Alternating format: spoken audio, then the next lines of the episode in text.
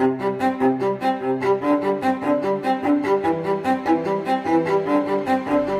teman-teman, seperti biasa kembali lagi bersama saya Angga Prayoga di artos.idfm, ruang media pajakmu. Tidak terasa bulan Agustus sudah mau selesai ya teman-teman. Nggak kerasa ya, padahal kemarin baru aja kita memperingati Hari Kemerdekaan Indonesia yang ke-76. Udah mau berakhir lagi aja nih bulan Agustus. Dan juga PPKM di bulan Agustus ini semua wilayah sudah turun ke level uh, level 3 ya teman-teman Ya, semoga keadaan Indonesia semakin pulih dari pandemi COVID-19. Terutama di bidang ekonomi, karena ya bisnis lagi turun ya teman-teman. Susah juga lagi nyari orderan gitu ya. Eh, malah jadi curhat.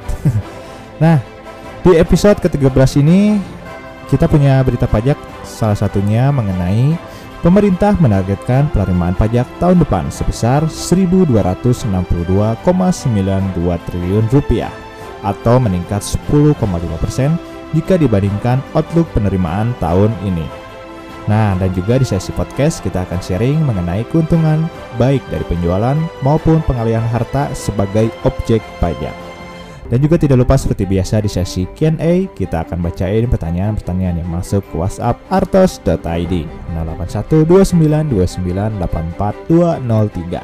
Mari kita langsung saja masuk ke sesi berita pajak.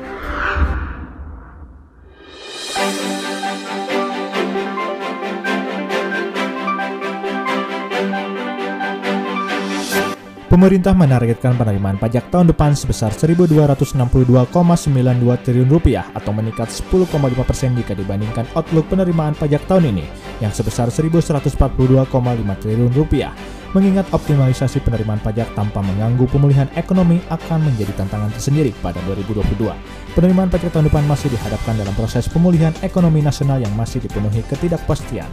Direktur Penyuluhan Pelayanan dan Hubungan Masyarakat Direktorat Jenderal Pajak Neymadi Nur mengungkapkan, Pemerintah optimis bahwa penerimaan pajak 2022 akan lebih baik dibandingkan tahun 2021, sejalan dengan program ekonomi nasional. Neil Bading merinci upaya yang akan dilakukan pihaknya di antaranya memperluas basis perpajakan dengan meningkatkan kepatuhan sukarela, ekstensifikasi, dan inovasi penggalian potensi melalui pengawasan wajib pajak strategi dan pengawasan berbasis kewilayahan. Berita kedua, pemerintah Presiden Joko Widodo menargetkan penerimaan perpajakan sebesar 1.506,9 triliun rupiah pada era APBN 2022. Dalam usaha upaya menggali potensi perpajakan, kata Sri Mulyani, pemerintah terus berupaya melakukan reformasi sistem perpajakan yang terus disesuaikan dan disempurnakan agar mengikuti perkembangan zaman. Di samping itu, lanjut dia, sistem administrasi perpajakan terus diperbaiki dengan mengoptimalkan pemanfaatan teknologi informasi Sementara itu dari sisi pengawasan pemerintah juga memperkuat kerjasama lintas kementerian atau lembaga bersama aparat penegak hukum dalam rangka pengamanan penerimaan negara melalui pengembangan sistem pengawasan. Berita ketiga, penarikan pajak di Indonesia disebut masih menghadapi banyak tantangan. Oleh sebab itu dibutuhkan reformasi pajak untuk menyelesaikan tantangan tersebut. Direktur Jenderal Pajak Kementerian Keuangan Suryo Utomo mengungkapkan pemerintah memang akan melakukan reformasi melalui rancangan Undang-Undang Ketentuan Umum dan Tata Cara Perpajakan. Dia menjelaskan pemerintah saat ini menghadapi tantangan yaitu konsolidasi fiskal sesuai dengan Perpu 1 2020 di mana pemerintah harus mengembalikan defisit anggaran ke level 3% dari PDB pada tahun 2023. Pemerintah juga perlu menghadapi tantangan perpajakan yang muncul akibat meningkatnya volume perekonomian dan transaksi digital. Suryo menjelaskan dengan RUU ini diharapkan sistem pajak bisa lebih adil, efisien, dan efektif. Demikian sejumlah berita dan informasi pilihan yang dapat saya sampaikan ke ruang dengar Anda.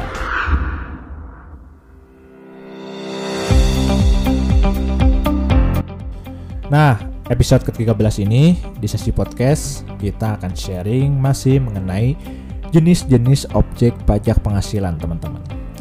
Nah, yang akan kita bahas yaitu keuntungan atau selisih baik karena penjualan atau pengalihan harta. Yang di mana harta tersebut selain tanah dan bangunan ya, teman-teman. Nah, objek pajak penghasilan ini mungkin sering kita temui baik dalam transaksi badan hukum maupun transaksi perorangan. Karena gini teman-teman logikanya, rata-rata kita itu pasti memiliki harta selain tanah dan bangunan ya. Dan lumrah dong kalau kita bertransaksi uh, harta yang kita punya itu mau dijual kembali ataupun kita membeli yang baru. Harta tersebut. Nah, karena itu dalam podcast kali ini kita akan bahas mengenai aspek perpajakan terkait dengan penjualan atau pengalian harta selain tanah dan bangunan. Nah, yang menjadi objek pajak penghasilan dalam transaksi penjualan atau pengalian harta, kita ingatkan kembali hanya untuk jenis harta selain tanah dan bangunan, teman-teman. Kenapa?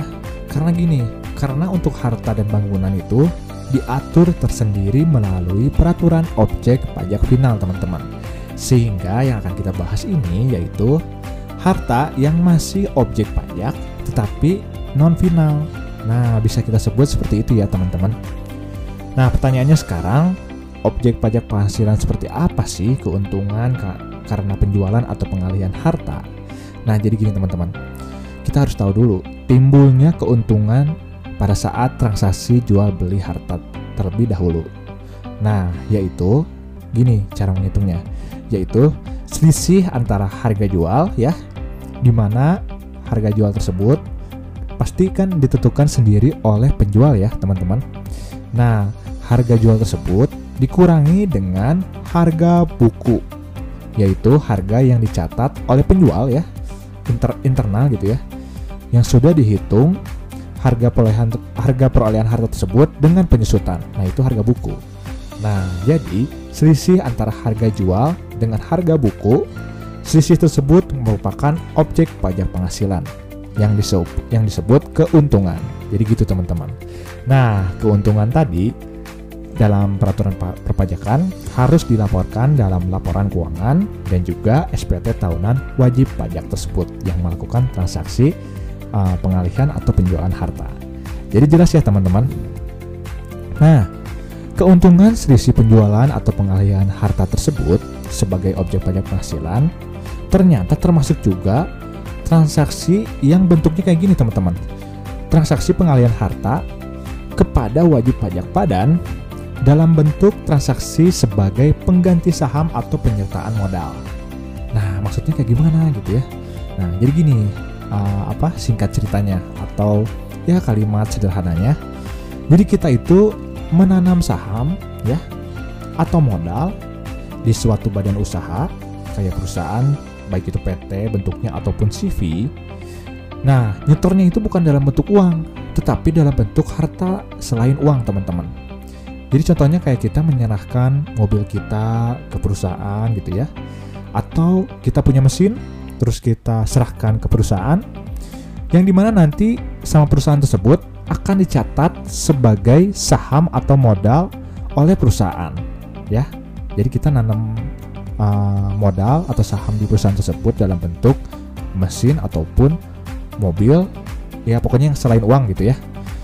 Nah maka untuk transaksi ini yang merupakan objek pajak penghasilan yaitu sama dilihat dari selisih keuntungan juga, di mana cara perhitungannya agak berbeda dengan yang tadi, yaitu kita uh, menghitungnya sebagai patokannya gitu ya, yaitu harga pasar dari harta yang disetorkan ke wajib pajak badan tersebut teman-teman. Lalu dikurangi dengan harga buku pihak penyetornya yang sudah diperhitungkan dengan penyusutan aset. Nah, sehingga selisih antara harga pasar dengan harga buku penyetor, maka itulah yang disebut dengan keuntungan dari uh, pengalihan harta pengganti saham atau penyetoran modal. Nah, itulah yang disebut dengan keuntungan penghasilan objek pajak untuk transaksi tersebut.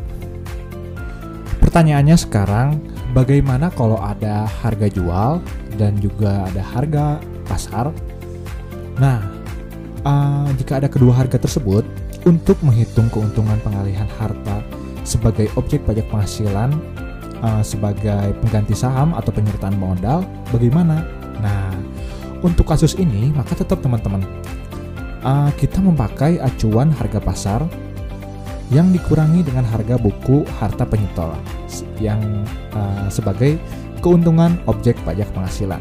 Jadi bukan memakai harga jual ya teman-teman, tetap uh, harga pasar yang di apa yang dihitungnya dengan yang dikurangi dengan harga buku.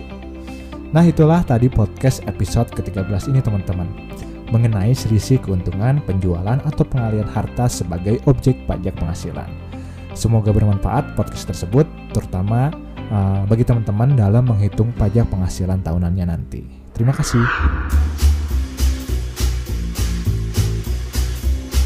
Oke, sekarang kita masuk ke sesi Q&A pajak episode 13. Yap, kita akan menjawab pertanyaan seperti biasa yang masuk ke WhatsApp artos.id di 081292984203 atau pertanyaan di Twitter artos.idfm. Nah, pertanyaan pertama dari 0857248802 sekian sekian sekian. Halo, izin bertanya, jika saya sebagai pegawai menerima fee tambahan di luar gaji karena saya menerima bonus marketing. Nah, bagaimana perlakuan pajaknya? Terima kasih. Nah, oke, okay. terima kasih bagi yang sudah bertanya. Terkait pertanyaan tersebut, menurut saya berhubungan dengan penghasilan PPh 21, pajak penghasilan pasal 21. Kenapa? Karena merupakan penghasilan bagi karyawan.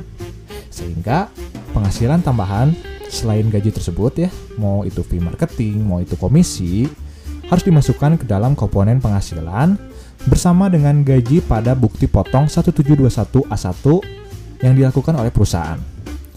Karena mengingat teman-teman PPh 21 itu kan uh, merupakan kewajiban perpajakan bagi pemberi kerja atau perusahaan.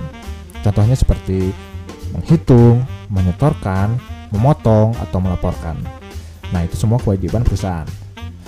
Nah, bagaimana jika penghasilan tersebut ternyata tidak dimasukkan dalam komponen penghasilan pada bukti potong 1721A1 oleh perusahaan? Nah, tadi uh, tenang saja, maka solusinya teman-teman bisa melaporkan sendiri penghasilan di luar gaji ya oleh ya teman-teman sendiri, oleh karyawan sendiri gitu ya di perhitungan SPT pajak tahunan orang pribadi dari karyawan tersebut. Jadi seperti biasa jadi nanti bayar pajaknya pada saat sebelum bulan April tahun pajak terutang. Gitu ya. Oke. Nah, itu sekian Q&A singkat episode 13 ini. Jangan lupa dengerin Artos.id FM sebagai ruang media pajakmu di episode selanjutnya. Semoga bermanfaat episode 13 ini dan terima kasih bagi yang sudah mendengarkan. Saya Angga Prayoga.